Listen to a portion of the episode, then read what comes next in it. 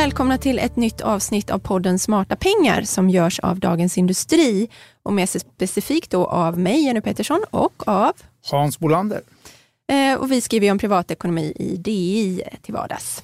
Idag ska vi prata om bolån, eller hur Hans? Det ska och vi. Och hur man ska tänka kring sin bolåneränta i det här lite, lite nya läget som vi har sett efter sommaren. Eh, vi ska också prata lite om jobb och vilka förmåner man ska ha koll på utöver lönen om man byter arbete. Det är säkert många, det brukar ju vara så att det är många som funderar i sådana här banor under semestern när man har tid kanske att utvärdera hur, man, ja, hur, hur bra man trivs och hur, mycket man, hur, hur gärna man vill gå tillbaka till jobbet efter semestern. Men då är det en del saker som man faktiskt bör ha i bakhuvudet innan man eh, tar steget. Och framförallt när man förhandlar då om ett nytt eh, jobb och en lön och sådär. Men du, vi börjar med bolånen tycker jag. Ja, det är ju högaktuellt. För Riksbanken kommer ju med ett besked också nu. Precis, på torsdag kommer Riksbanken med ett nytt räntebesked. Det har ju gått ungefär ett halvår nu sedan Riksbanken då höjde räntan ja. eh, till minus 0,25 procent.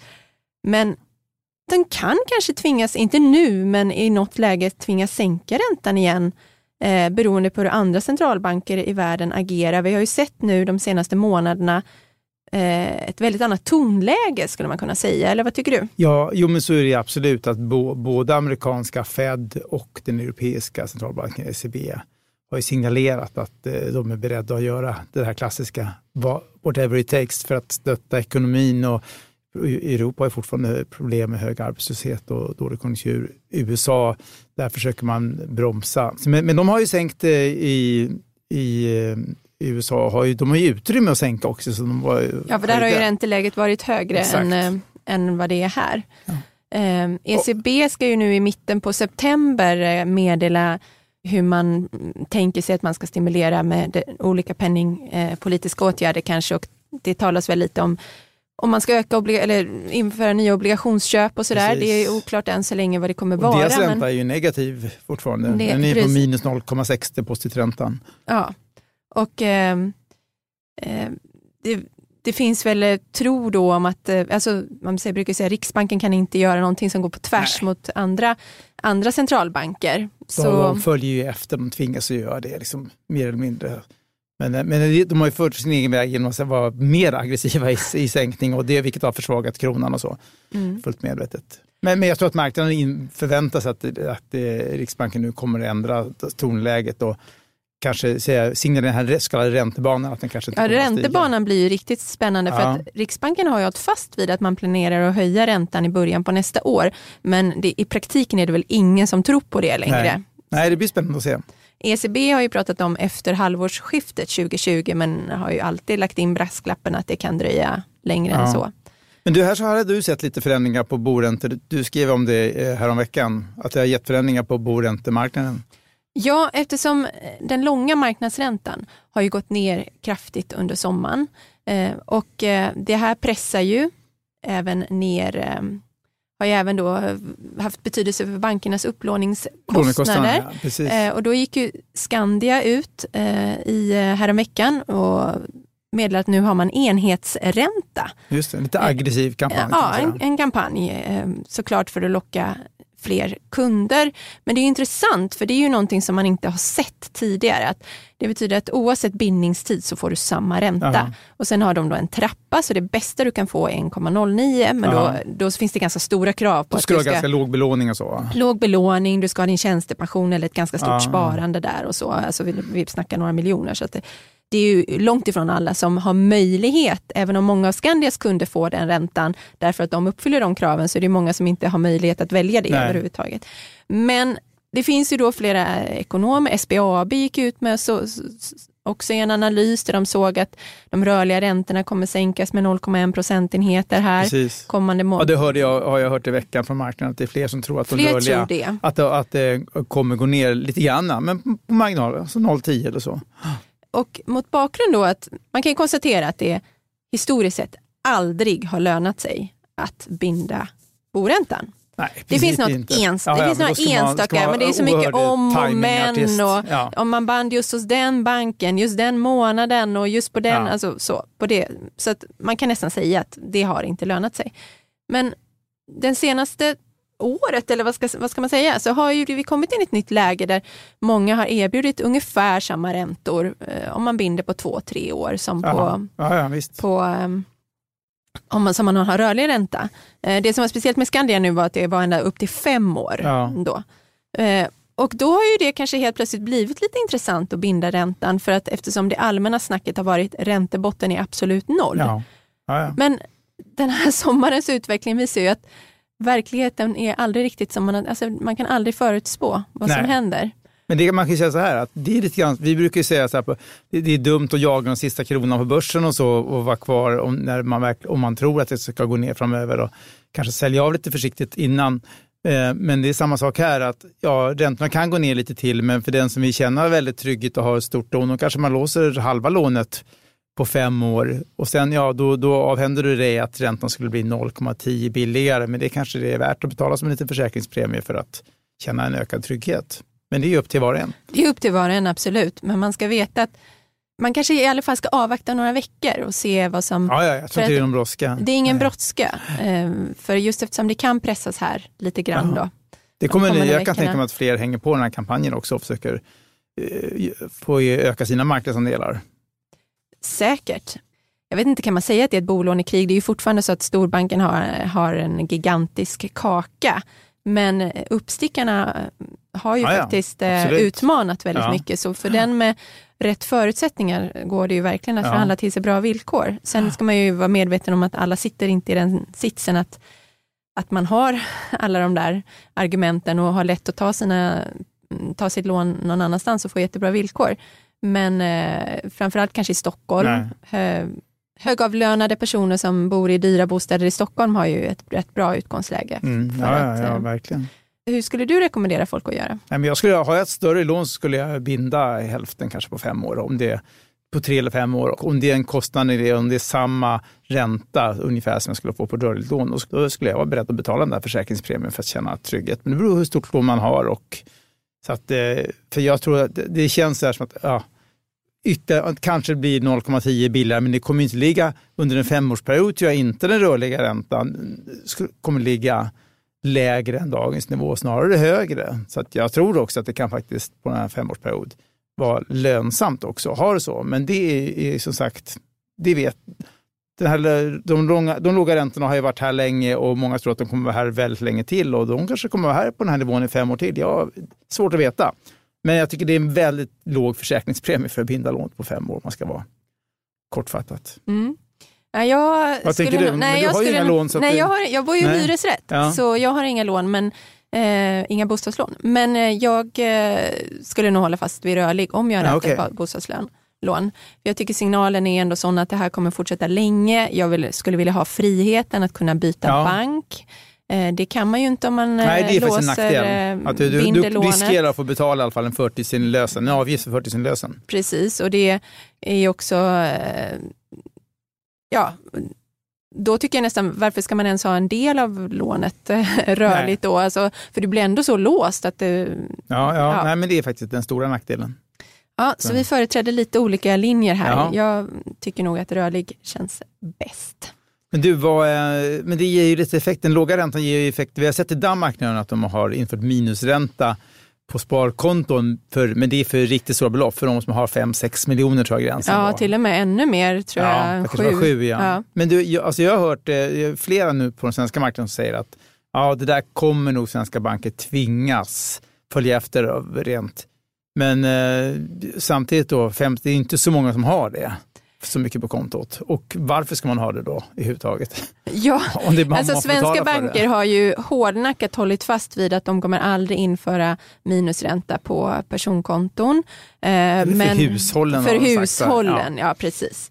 Eh, men man ska ju inte tro att man inte betalar för den där minusräntan ändå, för det gör man ju via avgifter och Ja. eh, marginalen på bolån och, och sådär. Så, men jag kan mycket väl tänka mig att, att man i något läge i sven, svenska banker också går ut och säger att nu har vi sätter vi minusränta på, på de här riktiga ja, personer med då riktigt mycket pengar på bankkontot. Men som du säger, vem har hur många egentligen har 6 miljoner på ett bankkonto? Har man det man är ju ganska korkad. Ja, det är man. Framförallt om de, om de får betala för det, för då, då skulle man ju dela upp det där på, på några olika banker.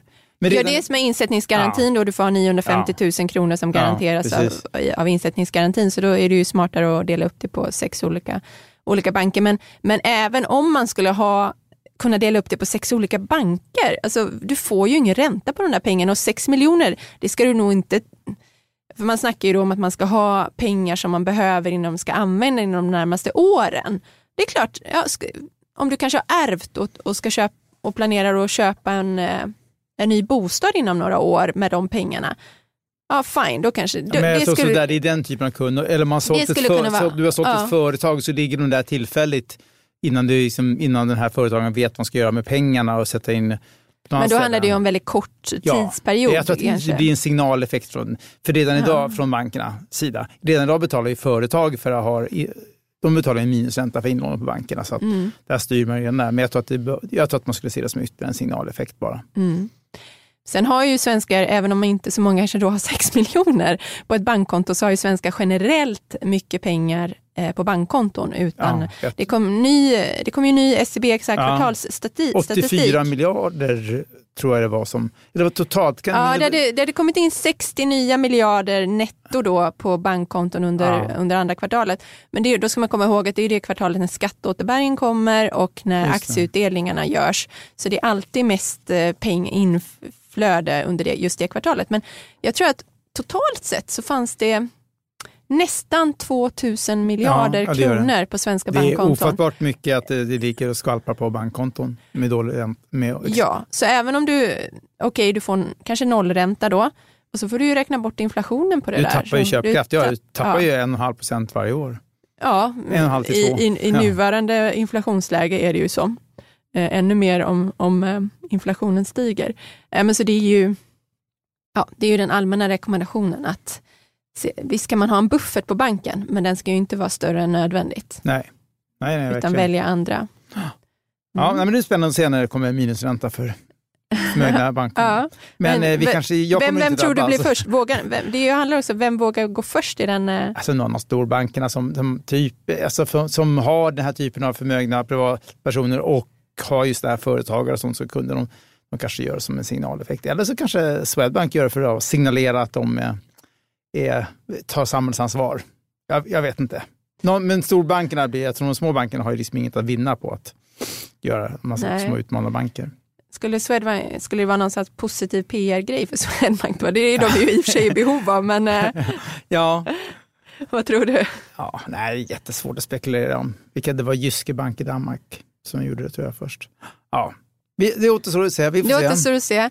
Men det vi också kan konstatera nu när vi pratar räntor och sådär är ju eh, med det här låga ränteläget så eh, är det väl fördel eh, börsen eller vad, vad säger du? Ja, det, det här är ju liksom, det, det blir ytterligare stöd. Det, det blir det här eh, there is no alternative. Att vad ska man ha pengarna och långsiktigt sparande går och investeringar går till börsen då och låga räntor ger ytterligare stöd till till börsen. Så att, så här, det är, och eh, sen, sen, men då har vi brasklappen att vi har all den här politiska oron i omvärlden som gör att, eh, men så länge, don't, don't fight the Fed ett annat bra amerikanskt uttryck, att gå inte emot, när bankerna sänker räntan så brukar det generellt sett vara bra för börsen.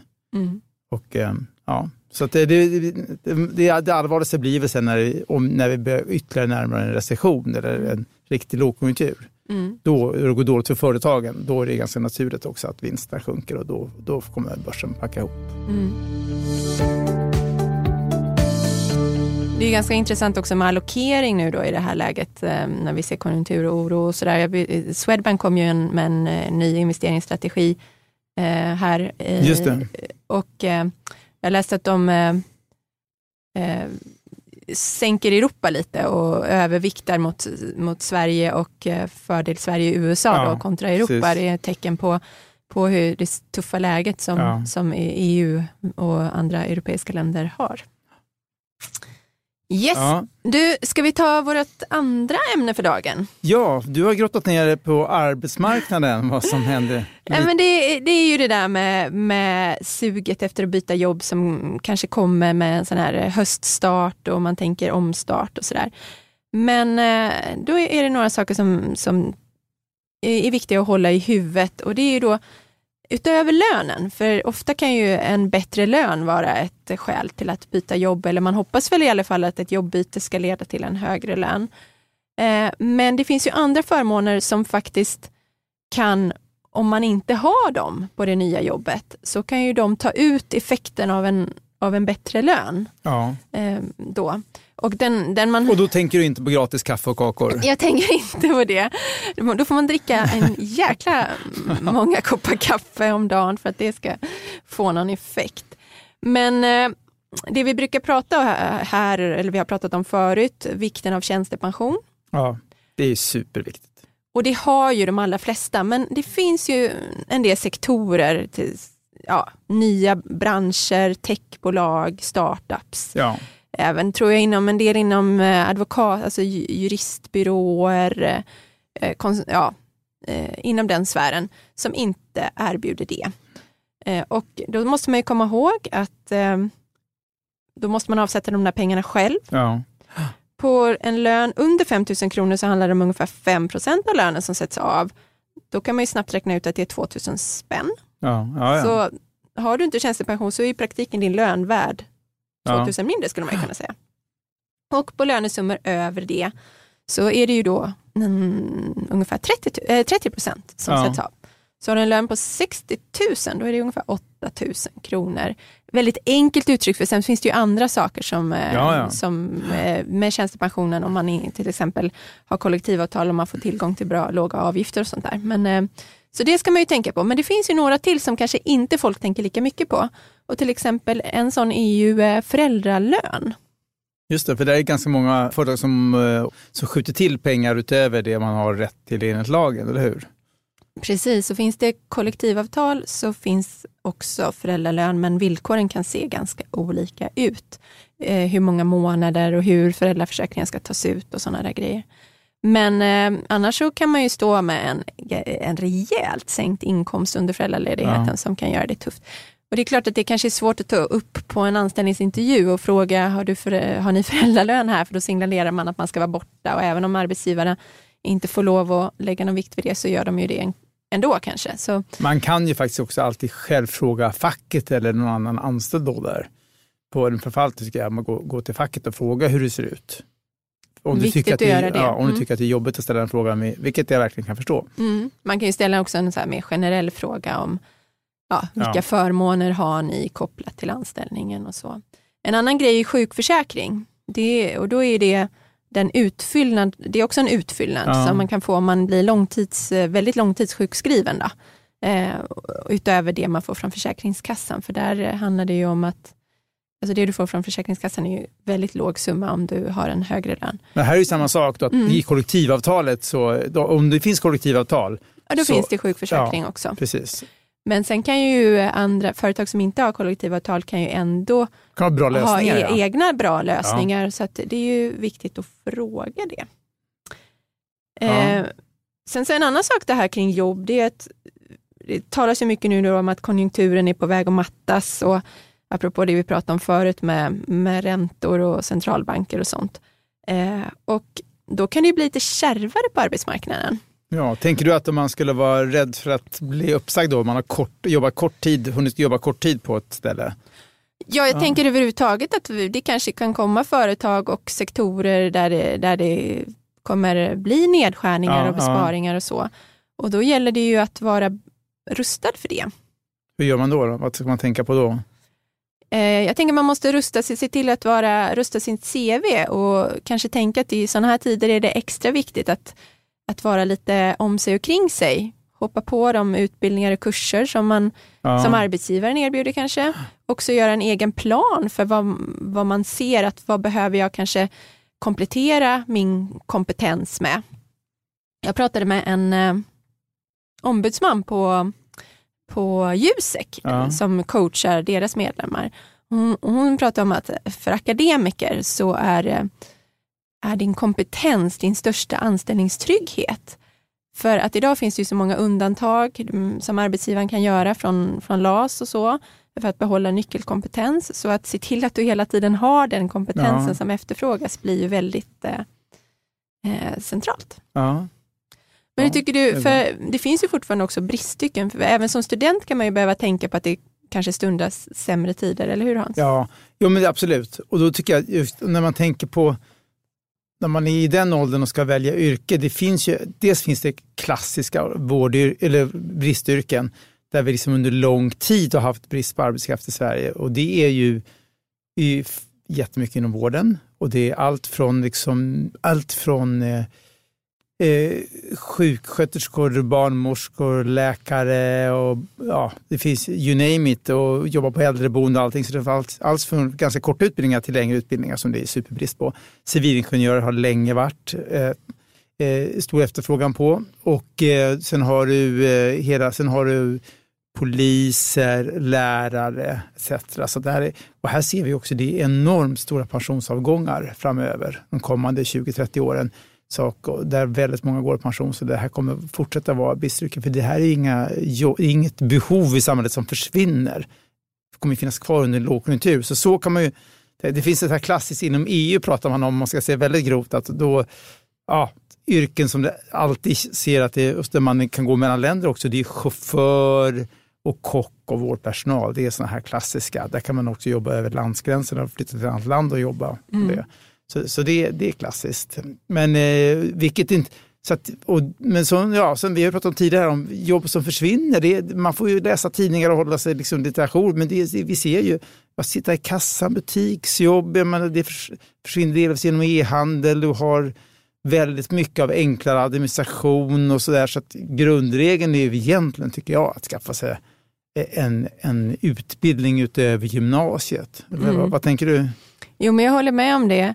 Och också eh, även redan när man går sin utbildning då, börja bygga nätverk ja. tidigt. Inte bara gå utbildningen och sen stå där eh, och hoppas på att hitta ett jobb, utan eh, gå med i olika nätverksgrupper. Ja. Det finns många man kan hitta på nätet, som är vissa speciellt för studenter. Försök knyta kontakter med personer inom branscher du är intresserad av, så att det finns ju ganska mycket träffar och sånt där som ordnas för studie, högskolestudenter och så. Precis.